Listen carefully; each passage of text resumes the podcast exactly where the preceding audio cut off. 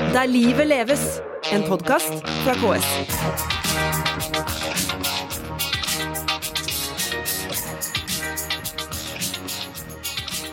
Velkommen til en ny episode av KS-podden Der livet leves. Jeg heter Kjell Erik Saure.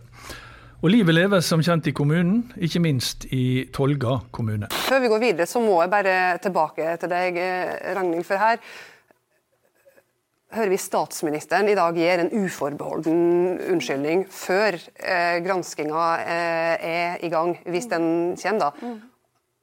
Jeg gir deg igjen sjansen. Har du lyst til å gripe sjansen til å, til å gi den og som pga. det sagt- som har ja, skjedd? Som sagt, jeg er veldig opptatt av å finne ut hva som har skjedd. Men vi kjenner ikke hele historien her.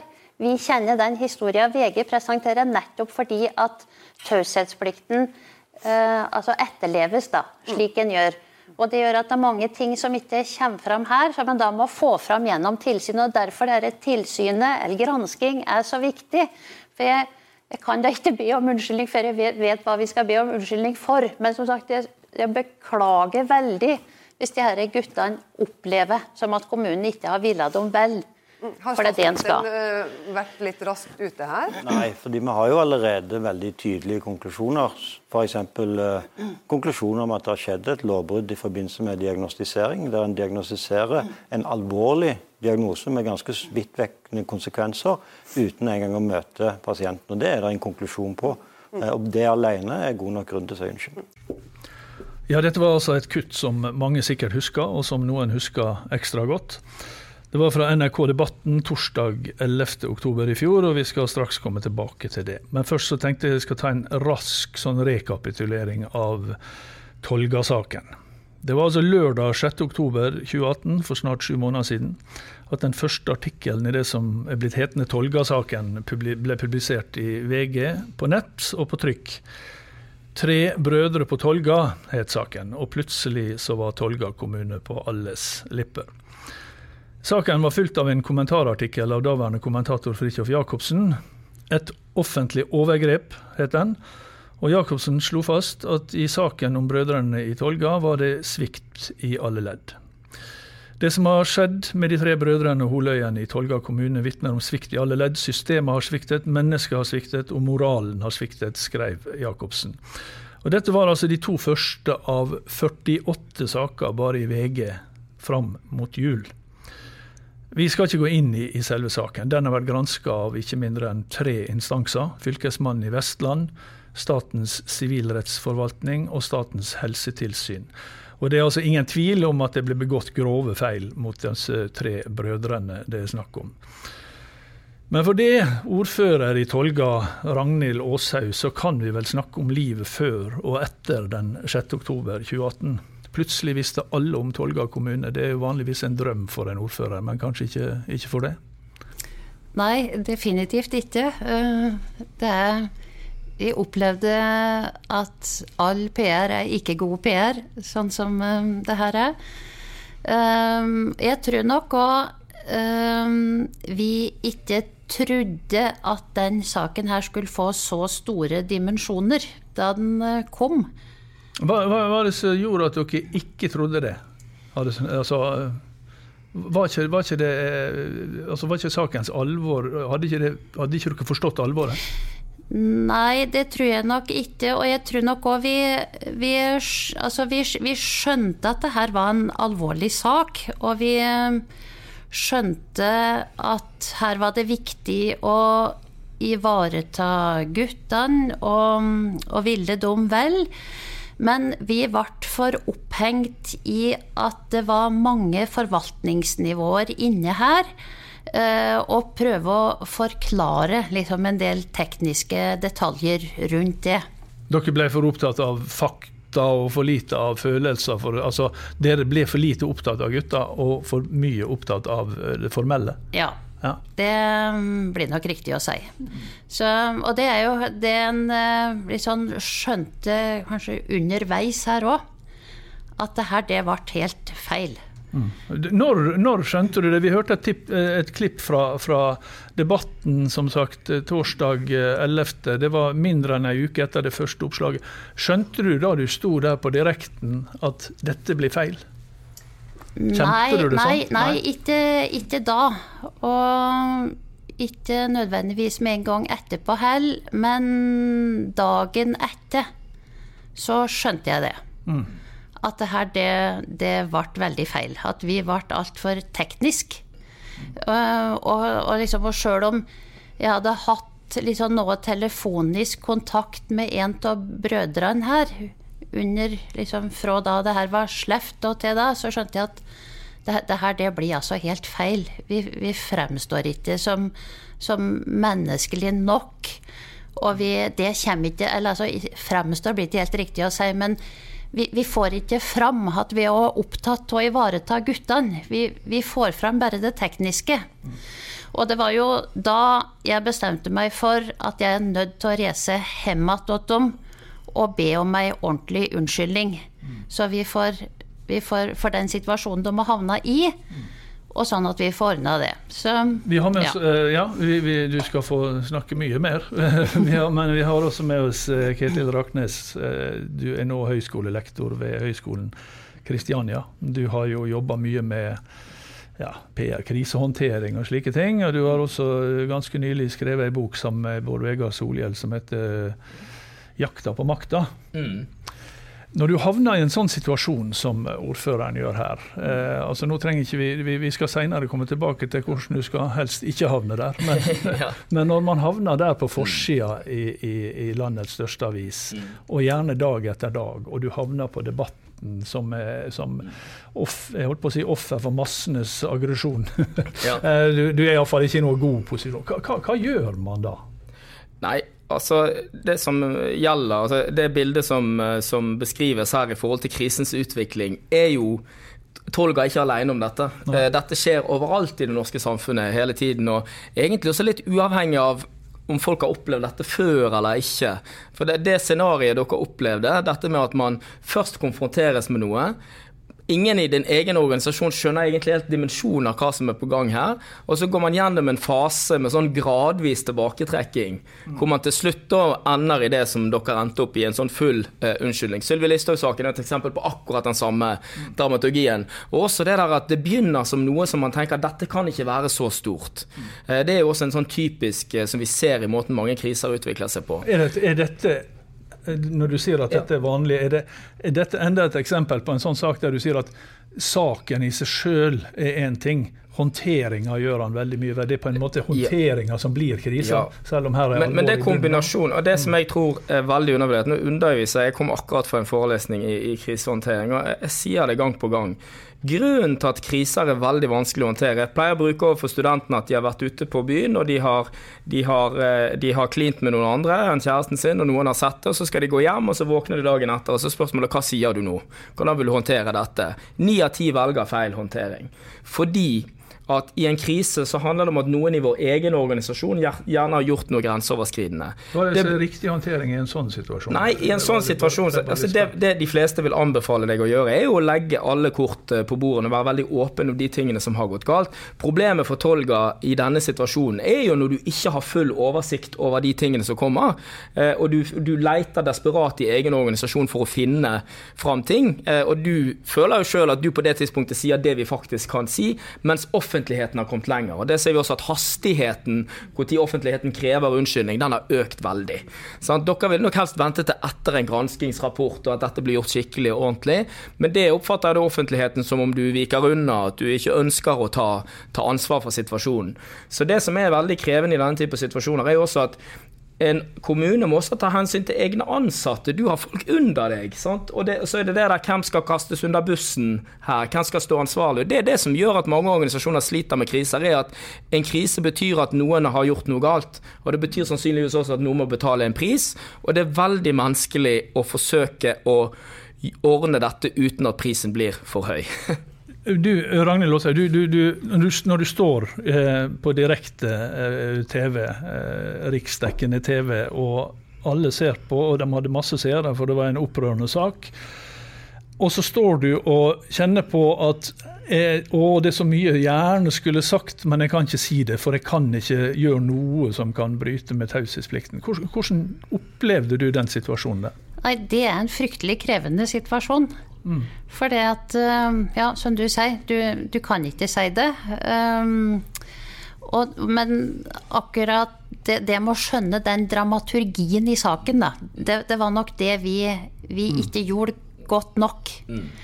Og det er da utrolig viktig. Så det er jo det vi, vi, liksom, vi ser nå i etterkant. Mm. Ketil, hva tror du er holdt på å si, folks oppfatning av uh, Tolga-saken? Hva er det som sitter igjen hos folk av den saken?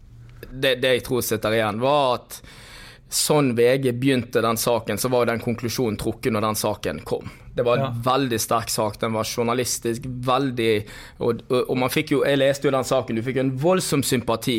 Og, og VG, det VG er aller best på, er den lille mannen mot systemet. Altså Det er liksom en egen sjanger som de er veldig gode i. Og VG fikk jo også en skup. Eh, og og det var jo et, et stykke, det, og det, viste jo seg at dette var jo en større ting, eh, ikke bare som gjaldt Tolga, men som kunne gjelde andre eh, steder. Så, så, i det øyeblikket den saken kom, så når jeg leste den, så tenkte jeg at dette, dette er vanskelig. Mm.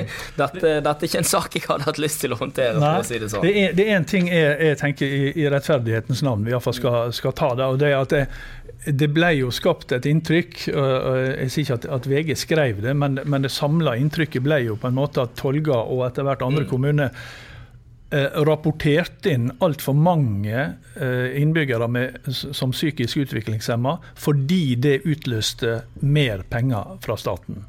Uh, det ble jo også konkludert i granskingsrapporten med at Tolga kommune hadde fått 7 millioner mer enn de skulle hatt. Og så ble det på en måte eh, kanskje ikke sagt like klart at det var jo penger som faktisk gikk til tjenester. da, Det var ikke, det var ikke penger dere brukte på, på julebord. Men eh, jeg bare tenkte at jeg, jeg, jeg vil, siden, siden granskingsrapportene var veldig tydelige på, på dette, og han fylkesmannen Rune Fjell han sa dette, og nå siterer jeg da han la fram rapporten. Vi har ikke funnet noe som helst holdepunkter for å si at Tolga kommune bevisst har rapportert feil for å tilegne seg statlige midler som kommunen ikke hadde rettmessig krav på. Eh, jeg bare, jeg bare sier at sånn, sånn, så slipper du å si det, så blir ikke det bortforklaring fra, fra dere. Men det, det, det er iallfall greit. Jeg tenker, jeg tenker, det har vært litt godt for det å få slått fast, da. Ja, det har jo det. For det var jo det som var så krevende når vi sto opp i den uh, situasjonen nå. Og så samtidig altså, vi, fikk, vi ble beskyldt for at vi satte diagnoser. Vi ble beskyldt for at vi satte under vergemål mm. for å tilrane oss penger, da. Mm. Og en kommune setter jo ikke diagnoser, og setter under vergemål, det gjør vi da ikke, for det er jo Fylkesmannen som har det ansvaret. Som er staten. Men, ja. Men det å, å, liksom å nå fram med denne faktainformasjonen her, det var det som uh, vi ble veldig opptatt av. Mm og som ble uh, fryktelig vanskelig. Mm. Skal, Men ja. samtidig også, så må jeg jo si det at altså, alternativet, da og, og, vi skulle ha vært mye mer ydmyk med en gang. Um, vi har jo òg vurdert det her Ja, burde vi ikke ha stilt opp? Burde vi ikke ha stilt opp i Dagsnytt 18? Burde vi ikke ha stilt opp i debatten? Raknes, burde de ikke ha stilt opp? Nei, det For å si det sånn, Eh, veldig mange som eh, snakker om krise og som kommenterer krise, de fremstår ofte sjøl som at hadde de håndtert dette, eller hadde man visst ja. om dette, så, så, ville dette vært veldig enkelt å løse. Og sånn, sånn, er jo min erfaring at det ikke Jeg har vært i mange krisesituasjoner sjøl hvor det ikke alltid har gått så, så bra. Og jeg tror det er bare å erkjenne at en del krisesituasjoner så er det jo rett og slett sånn at man må erkjenne at noe har gått veldig galt. Og litt uavhengig Altså, vi kan gjøre det litt bedre ved å håndtere det godt, men vi blir ikke kvitt problemet. For problemet er jo at vi har gjort noe dumt. Ja. så, så, så, så, jeg tror liksom at noen har en sånn forestilling om at krisekommunikasjon kan liksom løse Altså, det kan gjøre det litt lettere for deg, og det kan gjøre at uh, du, du, fortere kommer deg ut av situasjonen. Men, men på en måte, det granskingskommisjonen viser, at det du sa på Dagsrevyen, var ikke saklig sett feil.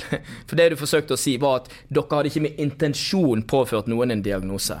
Men mediedramaturgien og sånn dette var på det tidspunktet, så var det ingenting annet enn at du la deg flat og sa unnskyldning til de guttene, som var godt nok for opinionen. Mm. Eh, det er et godt oppspill for eh, et kutt til, som vi skal høre fra den samme debatten. Vi kan høre på det. Og Når det gjelder kommunen og innsyn, så har jo gutta, mennene selv ikke fått innsyn i sine egne saker. De har fritatt kommunen og fylkesmannen fra taushetsplikten. VG har opplevd at de har blitt motarbeidet av disse instansene hele veien, og at det har vært et forsøk på å skjule egne feil snarere enn å opplyse saken. Ja, det, det, var, det, var, politisk redaktør i VG vi hørte her, Hanne Skartveit. Eh, og eh, du nevnte det, Ketil Raknes. Altså, eh, mange som har mange som vet utmerket godt hvordan en krise skal håndteres, får litt større problemer når de opplever krisa sjøl, og det er vel kanskje VG et av de aller ferskeste eksemplene på. ja, det, ja. og, og dette, dette, med åpenhet, altså mm. bli motarbeida, kommunen lukker seg. Jeg, jeg, jeg syns i rettferdighetens navn igjen at vi, vi, må jo altså, Hva gjorde VG når de, ble, når de kom i alle søkelys? De stengte seg helt inne og sa vi jobber med en intern granskingsrapport og vi sier ingenting før den er ute. Hva tenkte du da, da, Ragnhild? Nei, altså jeg tenkte jo altså Det var jo rådmannen og staben der som hadde vært i dialog med, med VG liksom fram til saken kom ut. Så vi, jeg var jo veldig opptatt av at vi skulle ikke ha noen ting å skjule. Vi eh, skulle ikke framstå som lukka, og det var derfor jeg følte at det var riktig at det var jeg som sto fram. Mm. Men var, eh, var, dere åpne, eller det, blir det en sånn angst i kommunen for å si noe, og, og dermed kunne si noe feil, eller altså Eh, forstår du at journalistene opplevde seg motarbeida av kommunen? Ja, jeg skjønner det, men samtidig så tror jeg at det her var en så spesiell sak. Så det var vanskelig å være mer åpen enn det en, det en var. Mm. Um, men skal, mm. det, en, det en eh, antageligvis kunne ha gjort, er jo det her å, å kunne ha knytta VG mer åt seg da de først tok kontakt med staben, mm. for å prøve ja, For de holdt på lenge. De, var, ja, var, de, var, de ble ganske eh, godt kjent i Tolga kommune etter hvert. Dere, dere, visste at dette kom? Ja, han visste jo at det kom, men ikke dimensjonen av det. Så, mm. Som sagt, Sommeren før så hadde det jo vært et oppslag som omhandla ja. det med vergemål. Mm. Og det var jo fylkesmannen sitt ansvar. Mm. Men, men, jeg tror også at dette handler også litt om siden dette her handler om, liksom om kommuner og Kommune-Norge, så er det også kollisjon også mellom to nivåer her. Mm. Her er det liksom en gjennomsnittskommune i Norge som møter Norges største og profesjonelle gravende mm. redaksjon. sant? Og Det dere kanskje er vant til, er mer lokalavismiljøet, som har en litt annen Så det er jo litt det at en stor og institusjon kommer inn i kommunen som har ofte en litt annen agenda. VG skal vinne SKUP-pris, og, og, de vil gå på på en helt annen måte. Og for dere vil jo det oppleves også sikkert for deg veldig uvant med den aggressiviteten og liksom den Altså det at man vil at det skal bli en stor sak. Og Det tror jeg også kan være utfordrende for en, for en mindre kommune, eh, som ikke er vant til kanskje å ha den typen aktører eh, bankende på døren. Vi har med oss, har med oss her, er, her er ei som har sittet helt stille helt til nå. og det, det, er, det, er, veldig høflig gjort. Eh, Nina Neset, du er, du er til og med bergenser du òg, så det må jo være vanskelig å sitte og være helt stille. Men, ja. men du, du, jobber i, i, i noe som heter Romerike Romerike-revisjon, og har ikke hatt noe med denne saken å gjøre, men du jobber med kommunerevisjon. Ja. Eh, for, for, oss vanlige folk så tenker vi at revisjon har noe med regnskap å gjøre, men det, det er mye mer enn det. Så eh, fins det systemer eller måter å jobbe på som kunne gjort Og nå er vi over på den andre delen. Hvordan skal man unngå å havne på forsida i VG med et negativt oppslag, og på Debatten å stå og forsvare uforsvarlige ting, for å si det sånn? Eh, jeg tror vel kanskje ikke at man helt kan unngå det. Mm. Eh, fordi at det skjer mye ute i kommunene. Eh, og det er litt som ordføreren sier, at man skal utføre ganske mange ting innenfor de ressursene som kommunen har. Sånn at helt og holdent å unngå denne type kriser, det tror ikke jeg at man kan se for seg. Men man har jo ulike metoder da, for å kunne Men tenkte du noe underveis ja. at her, skulle, her har de unnlatt å gjøre det og det, og hadde de gjort det, så hadde de sluppet dette? Eh, det jeg tror, eh, er at eh, hvis du kan bygge en kultur i kommunene som handler om åpenhet, det handler om gode etiske verdier, og det handler om å på en måte bry seg sørge for at tjenesten er åpen for flere medarbeidere. Sørge for at, at uh, ting er transparent. Mm. Det er på mange måter grunnfjellet. Det er det kommunene må satse på. Å ha en god kultur. Og en god kultur for kontroll. Mm. Fordi at noen ganger så skjer det. det og det er de som sitter nærmest og kunne oppdaget dette. Ja. Det er ikke ordførerne eller eh, sånne ting, med mindre man fikk varsel om det. Så, så det er der tjenestene skjer, det er der man leverer, det er der man må jobbe. Eh, Raknes, er det, er si, er det lettere å unngå krise enn å håndtere den? Ja, altså på samme måte som det, i helsepolitikken, så er jo det, det, lureste du kan gjøre, er å ikke havne på sykehus. sant? Ja. Og, og det, Vi vet jo at det fins i organisasjoner det finnes mange organisasjoner som er ganske flinke til å forebygge eh, og gjøre ting i forkant, sånn at man ikke eh, havner der. Men én ting som jeg tror er kanskje en sånn likhet mellom Tolga-saken og VG-saken, det er at Ingen ledere ønsker å offre, se ut som de ofrer sine egne ansatte, eller ikke forsvarer sine, altså, sine egne ansatte. Ja. Det tror jeg også rammet VG. Altså, VG ville til det siste beskytte sine egne journalister.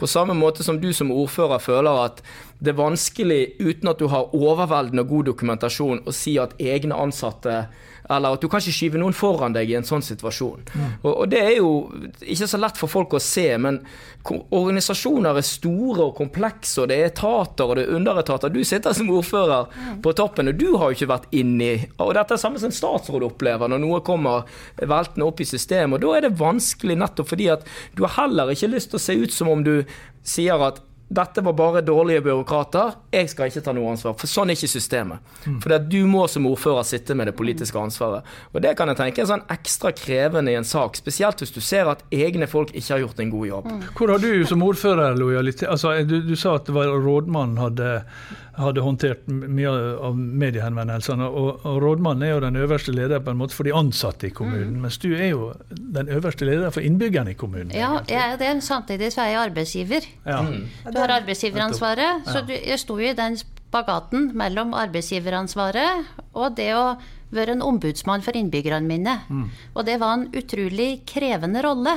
Og det er helt sant. fordi at eh, Det er ikke så mange som tenker på det, men det er faktisk ordføreren som, som har ansvaret, arbeidsgiveransvaret. Mm. Og jeg har hørt i andre saker at eh, det blir stilt ganske Altså ansatte føler seg på en måte eh, tråkket på av mm. eh, sin øverste leder. da. Mm. Så det er et, et av bildet. Men jeg tror uansett at, eh, som du egentlig litt sjøl sier, at du kunne ha på en måte tatt parti i forhold til disse som på en måte var utsatt for de feilene som var gjort.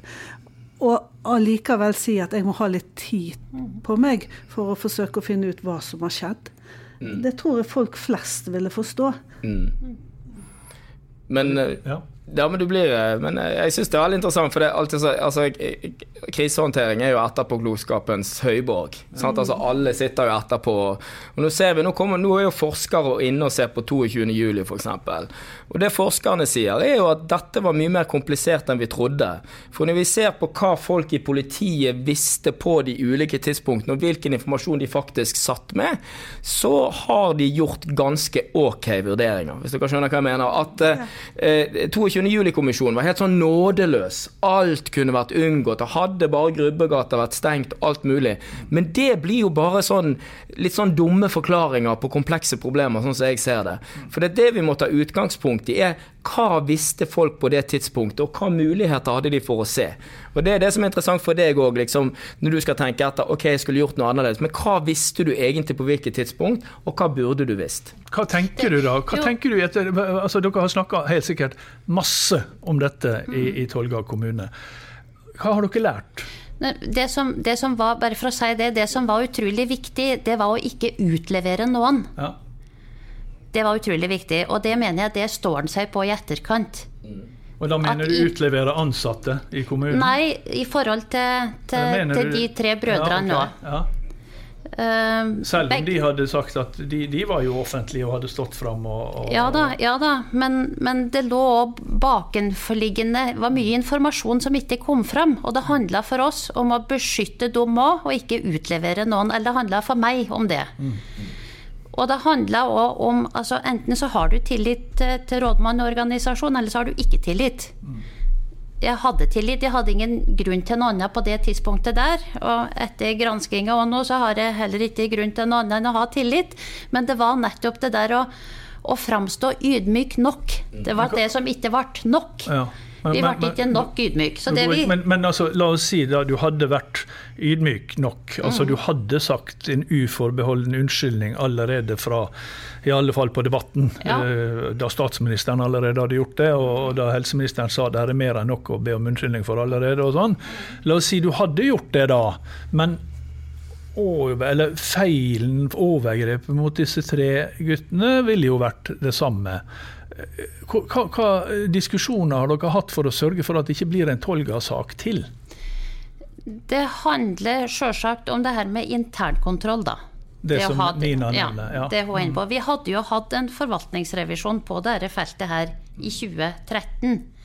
Um, og kontrollutvalget kom jo fort på banen, og det er jeg utrolig glad for. Så jeg tenker det vi kanskje skulle ha gjort, det er å bruke kontrollutvalget tidligere, sånn at de kunne ha vært den som hadde sagt mer om det her tekniske tinga. For jeg skulle liksom ivareta alt. Jeg skulle snakke om alt. Du skulle mer fram Ja, nettopp. nettopp.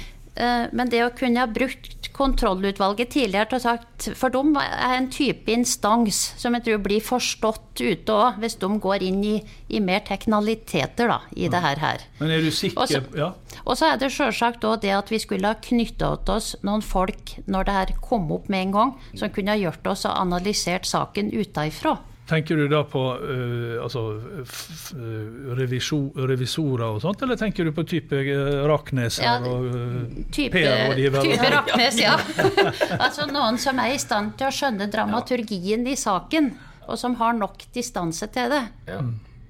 Eh, Er du sikker på at det ikke dukker opp igjen en ny Tolga-sak, altså en sak i Tolga kommune som, eh, der innbyggere har blitt eh, utsatt for eh, feil som ikke skulle vært gjort? Åpenbare feil. Jeg tror Før VG-saken så hadde jeg sagt at det skjer ikke oss, men etter det her, her så Vel, Når jeg sier VG-saken, så er det Tolga-saken. Det Vi har ja, det- to- det to det er litt to veldig forskjellige saker. Ja, riktig.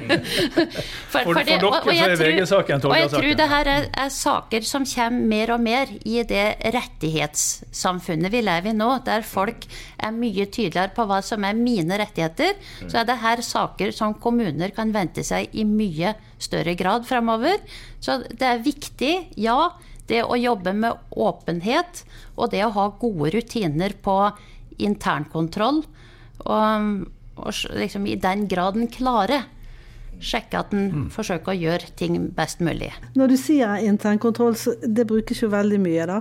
Men altså, det må være noe kontroll i den internkontrollen. Man må både gjøre risikovurderinger, man må eh, sette inn kontrollmekanismer i, i dette, og man må sørge for rapportering.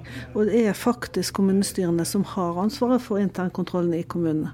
Det må vi- må ja. dere spørre etter. Ja, da fikk vi en, eh, rett og slett en, en, et revisortips helt til, til slutt. For det, folkens, tida har gått. Ja. Vi er ferdig. Tusen takk til Ketil Raknes og Nina Nese, og tusen takk til ordfører i Tolga, Ragnhild Aashaug.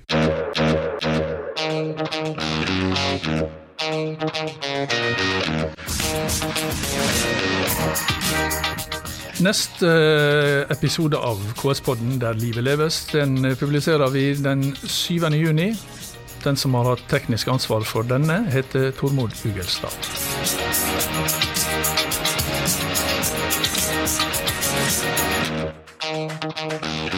Der livet leves, en podkast fra KS.